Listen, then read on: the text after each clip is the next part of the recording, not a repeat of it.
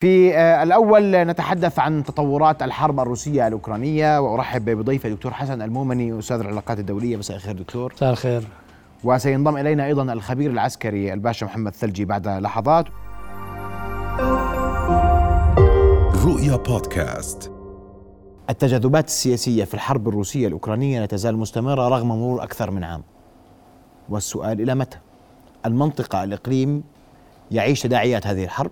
وهناك عين ناظرة لانتخابات تركيا غدا أيضا وتأثير على هذا الحرب. هل ربط هذه المسائل مع بعضها البعض دقيق أم أن الحرب مستمرة سياسيا لا محالة؟ هو مساء الخير لك والمشاهدين مساء النور. مما لا شك فيه الربط موجود. إحنا الآن بنعيش في عالم القرن الواحد وعشرين عالم العلاقات الدولية التفاعل على كافة المستويات بهذا الجانب بهذا الاتجاه. ومنذ اليوم الأول للحرب الأوكرانية كان واضح تأثيرها الإقليمي والعالمي بهذا المعنى. واضح قديش حالة الاستقطاب فيها بهذا الجانب وبتقدير الشخص الحرب الأوكرانية هي عبارة عن عنوان من عناوين متعلقة في مرحلة تحولات القوة اللي حاصل الآن بهذا الجانب. الكل يعلم بأن هنالك منذ سنوات نزعة تغيرية تعصف بالعالم في هنالك تحول في القوة بهذا الجانب قوة صاعدة الصين وغيرها من القوى قوة تحاول أن تسترد ماضيها التليد روسيا وغيرها بهذا الأمر قوى غربية بقيادة الولايات المتحدة الأمريكية تريد أن تحافظ على الوضع الراهن والنظام الدولي الذي يخدم مصالحها بهذا الجانب. وكان في هنالك أزمات وتحلى لأن جاءت أوكرانيا وصارعت هذه الحالة التنافسية حقيقة وصار في عملية استقطاب وصار في تغيير. شفنا الموقف الأوروبي سابقا قبل الحرب الأوكرانية كان في جزء كبير من الأوروبيين يراهنوا على مسألة احتواء روسيا من خلال السياق الاقتصادي والعلاقات الاقتصادية والاعتمادية بهذا الجانب. في هنالك الولايات المتحدة الأمريكية التي ما فتئت في كل استراتيجيتها تبعت الأمن القومي ما صنفت من هي الدول اللي هي منافسة أو خطر عليها بهذا الأمر وكانت دائما الصين في هذا الأمر. الآن في موضوع روسيا مما لا شك فيه تهديد لكنها ليست في التهديد الاستراتيجي المتحدث فيه عن الصين.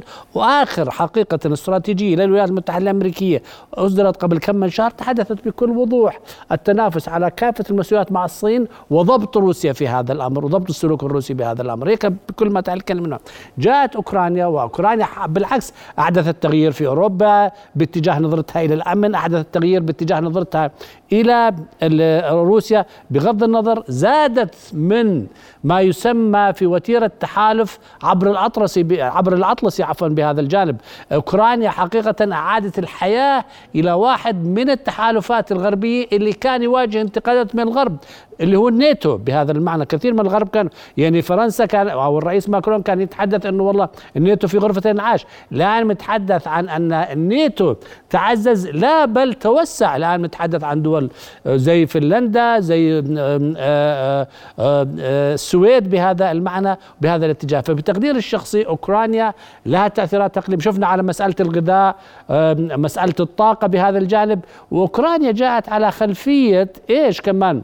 العالم كان يعاني من تحديات إيه، قد حتى تحديات خذ التحديات الصحيه كورونا. كورونا كان له أيضا جيوبوليتكس بهذا الأمر وأثر لأن جاءت أوكرانيا وبدأ واضح تأثيرها على أوروبا في سياقها مفهومها للامن بدأ واضح على تأثير أسعار الطاقة وغيره في البداية على توريد السلاسل الغذائية وكل كل هذه الجوانب كل الاتجاهات. أيضا أوكرانيا أصبحت عنوان ليس فقط مختصر في موضوع روسي آه غربي في هذا الأمر وإنما توسعت دائرة أوكرانيا الآن وكل م- الأمور اللي في أوكرانيا الصين حقيقة وسارعت المواجهة الغربية مع الصين أو التنافس الغربي مع الصين وبدأت تبرز قضية تا- تايوان بشكل استراتيجي بهذا الجانب. الآن الدول اللي أشرتها الانتخابات تركيا تركيا بطريقة أو بأخرى مشتبكة في الموضوع الأوكراني. لا, لا تنسى أن جانب من التسليح الأوكراني هو مورد من قبل تركيا. بهذا الجانب كثير وخاصة ال- الدرونز هذه اللي المسيرة. واليوم كان في تصريح أو امبارح تصريح من وزارة الخارجية الروسية بأن استمرار تزويد أوك- تركيا لأوكرانيا بالأسلحة يتنافى مع دورها كوسيط ولعبت دور تركيا الوسيط وأيضا الضامن في مباحثات هذه اللي هي اتفاق من أجل الحبوب في هذا الجانب في هذا الاتجاه. عندنا في لما لما نحكي بهذا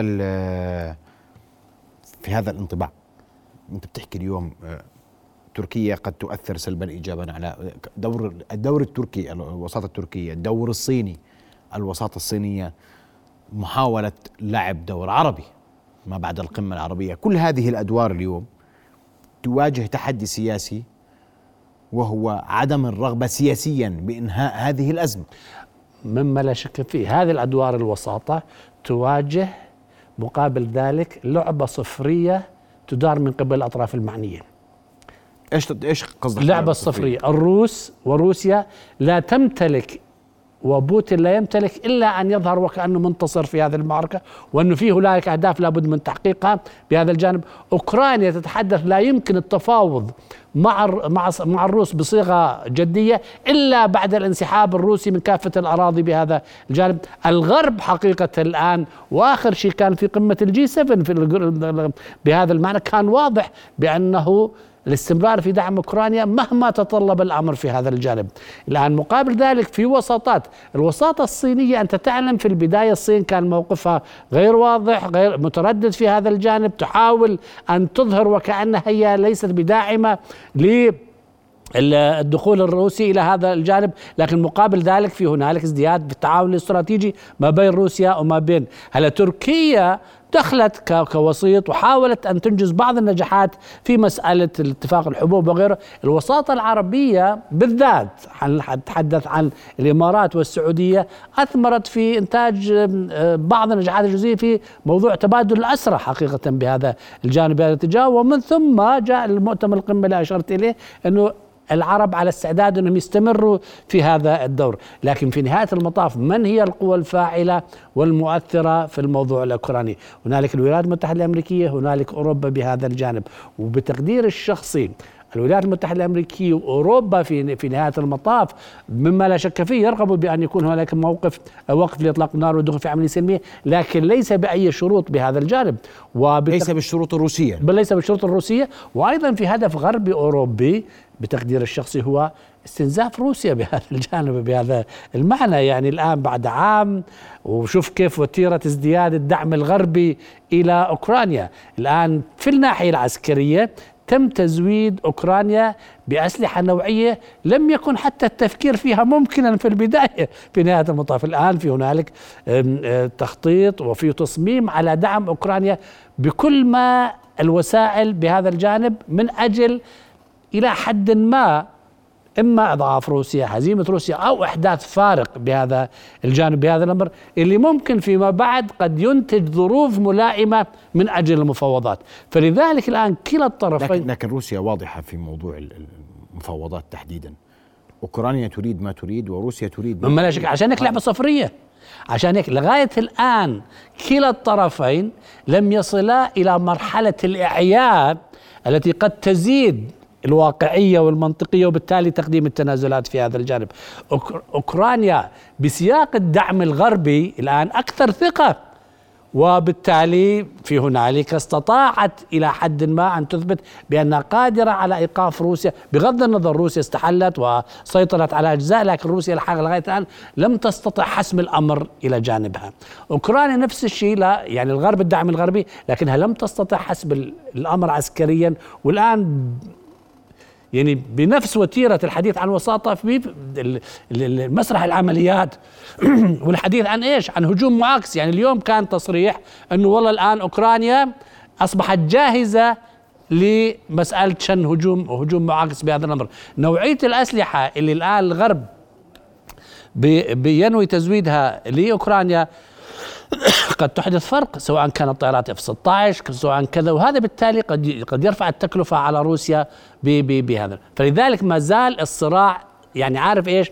صراع حلزوني. يعني بمعنى في هنالك ازدياد في وتيرة الدعم العسكري في هنالك أيضا تصميم روسيا على أنه لا استسلام ولا رجوع بهذا المعنى لأنه على المحك بس اسمح لي أنا اليوم بحكي في القدرة السياسية. من أقدر سياسيا على مواصلة هذه المعركة اللي هي معركة استنزاف. سياسيا الغرب هلا أنا خليني أحكي لك شغلة. إذا بدي أتحدث في موازين القوى إلى الآن ما بين الغرب وما بين روسيا في موازين القوى من ضمن هالجانب السياسي الغرب له اليد الطولى بهذا الجانب. الآن سياسيا إحنا يوم نتحدث عن الغرب من هو الغرب؟ من أستراليا إلى اليابان إلى كوريا الجنوبية إلى إلى إلى إلى إلى أوروبا. إلى أمريكا إلى كندا هذا كله غرب. أضف إلى ذلك أن العالم أو ما يسمى في الجلوبال ساوث اللي هو الجنوب العالمي أيضا في نوع من الانقسام. يعني عندنا في منطقة في منطقتنا العربية نحاول على استحياء انه نحاول نعمل إيش؟ حالنا متوازنين بهذا الأمر. علاقات مع روسيا لكن مقابل ذلك إحنا كمان بنيجي بندعم مثلا أوكرانيا في سياقات إنسانية في سياقات معينة بهذا الجانب. الآن ممكن في دول مثلا خذ الصين. الصين في نهاية المطاف يعني أوكرانيا مهمة إليها لكن مهمة إليها في سياق إيش؟ في سياق الحالة التنافسية مع أمريكا وفي سياق تايوان بهذا الأمر. لكن مش في سياق إنها هي بدها تيجي تنقذ روسيا من هذه الورطة اللي هي واقعة فيها بهذا الجانب بهذا الاتجاه. الروس في ورطة برأيك أنا بتقدير سياسيا. بتقدير الشخصي سياسيا وعسكريا أنا بتقدير الشخصي لساني أثبت إنه في ورطة هنالك بهذا الجانب وفي استغلال من الغرب حقيقة لاستنزاف روسيا. بغض النظر فرصة لاحت فرصة جاءت وفي استنزاف بهذا الجانب بهذا الأمر. الآن أوروبا كان كثير خلال العام مراهنة على إيش؟ انقسام أوروبي. في مراهنة على انقسام في خلاف أوروبي لكن ليس في السياق الاستراتيجي اللي بيجعل أوروبا منقسمة وبالتالي موقفها يتفكك الآن نتحدث عن دعم غربي لا محدود باتجاه أوكرانيا. في هنالك قد يكون اختلاف على اساليب في بعض الدول زي بريط... زي فرنسا وزي ألمانيا ما زالت بتراهن على الحل السياسي. لكن أيضا لا تنسى أن في هنالك دول أوروبية خذ مثلا البي 9 أو هي ما يسمى في مجموعة بوخارست. هذول معظمهم دول أوروبا الشرقية الأكثر ميلا باتجاه الولايات المتحدة الأمريكية والأكثر صقوريه باتجاه روسيا بهذا الجانب بهذا الاتجاه. خذ مثلا كندا خذ أستراليا خذ هذه الدول موقفها واضح حقيقة في مسألة دعم الموقف الغربي ومسألة دعم أوكرانيا بهذا الجانب بهذا الاتجاه. فلذلك لكن ما بعد م... م... بعد أن مر الشتاء أوروبا لا يمكن لها أن تنقسم اليوم. مرت من أزمة الشتاء. كان القلق كله من أزمة الشتاء. أزمة الشتاء والطاقة وكل شيء. الآن بعد عام هذه مجتمع بغض النظر مجتمعات ديمقراطية وكل شيء بيظهر فيها الخلاف. لكن اقتصاديا الأشياء اللي كانت متوقعة وتأثيرات الطاقة وكل هذه الجوانب لم تأتي ثمرها. لا أثر. يعني أنا أنا أستطيع أن أحكي لك إنه أثر في أوروبا وأصبح مسألة في الشتوية مسألة الدفع يمكن قدم على الأكل بهذا الجانب. لكن بتقدير الشخصي آه، أوروبا استطاعت إلى حد ما نسبيا إنها تستوعب الصدمة الطاقة بهذا الأمر. وبالتالي تدريجيا موضوع الطاقة واستخدامه كسلاح اللي كانت روسيا تراهن عليه بتقدير الشخصي هذا انتهى الآن. مثلا خذ حتى على الصعيد العالمي. بعد شهور شو هي أسعار الطاقة؟ بغض النظر عن أوبك بلس وغيره وكل هذه الجوانب الآن قديش هي أسعار الطاقة؟ شبه مستقرة إذا مش أخفض من من السابق. الآن سلاسل الغذاء سلاسل ولا تنسى أن موضوع الطاقة أيضا هو مصلحة روسية. يعني ليس من مصلحة روسيا أنه يصير مثلا في دربكة كثير في السوق وبالتالي ما تبيع بهذا الجانب. هلا في التفاف في خذ مثلا دول زي الهند. الهند هي في سياق علاقات قوية مع الغرب لكن مستفيدة من هذا الواقع مستفيدة من روسيا ومن النفط الروسي وبتشتريه وبتعيده وبتكرره وبتبيعه للغرب والغرب قبل مدة حذر بهذا الجانب فلذلك يعني ليست الأمور كلها أسود وأبيض. في جري ارياز في مناطق رمادية دول زي الهند وغيره زي منطقتنا بسمح لها أنها تلعب فيها بهذا الجانب. أنا بتقدير الشخصي مجريات الأمور مواقف الأطراف المسرح العمليات من المبكر الحديث عن عملية سلمية ذات معنى قد تؤدي إلى حل. الآن أنت تفضلت الشتاء راح وكل شيء. الكل الآن بتح... الكل الشتاء الكل بيتحدث الآن عن ماذا؟ أنه أوكرانيا كانت تتحدث عن هجوم معاكس. إذا نجح هذا الهجوم المعاكس قد يحسن موقف أوكرانيا التفاوضي أوكرانيا التفاوضي وبالتالي يدخلوا الآن متحدث عن دور صيني. الصين شغالة وتحدث ضمن مبادرة عالمية لحد الآن لكن لم يتبلور أمر. أمر آخر أنا بتقدير الشخصي أنت بتوقع الولايات المتحدة الأمريكية والغرب تنطي ال credit للصين في إنهاء هذا الصراع؟ لا يمكن. لا يعني هلا راح راح يستفيدوا منه لكن قطعا الغرب اللي هو في سياق تنافسي اليوم ما يجي لك سوناك بيقول لك إنه الصين تهديد العصر تبعنا. threat of our age يعني يعني تهديد العصر تبعنا. هلا لما أقول لك الأمريكان منافسة مع الصين على كافة المستويات.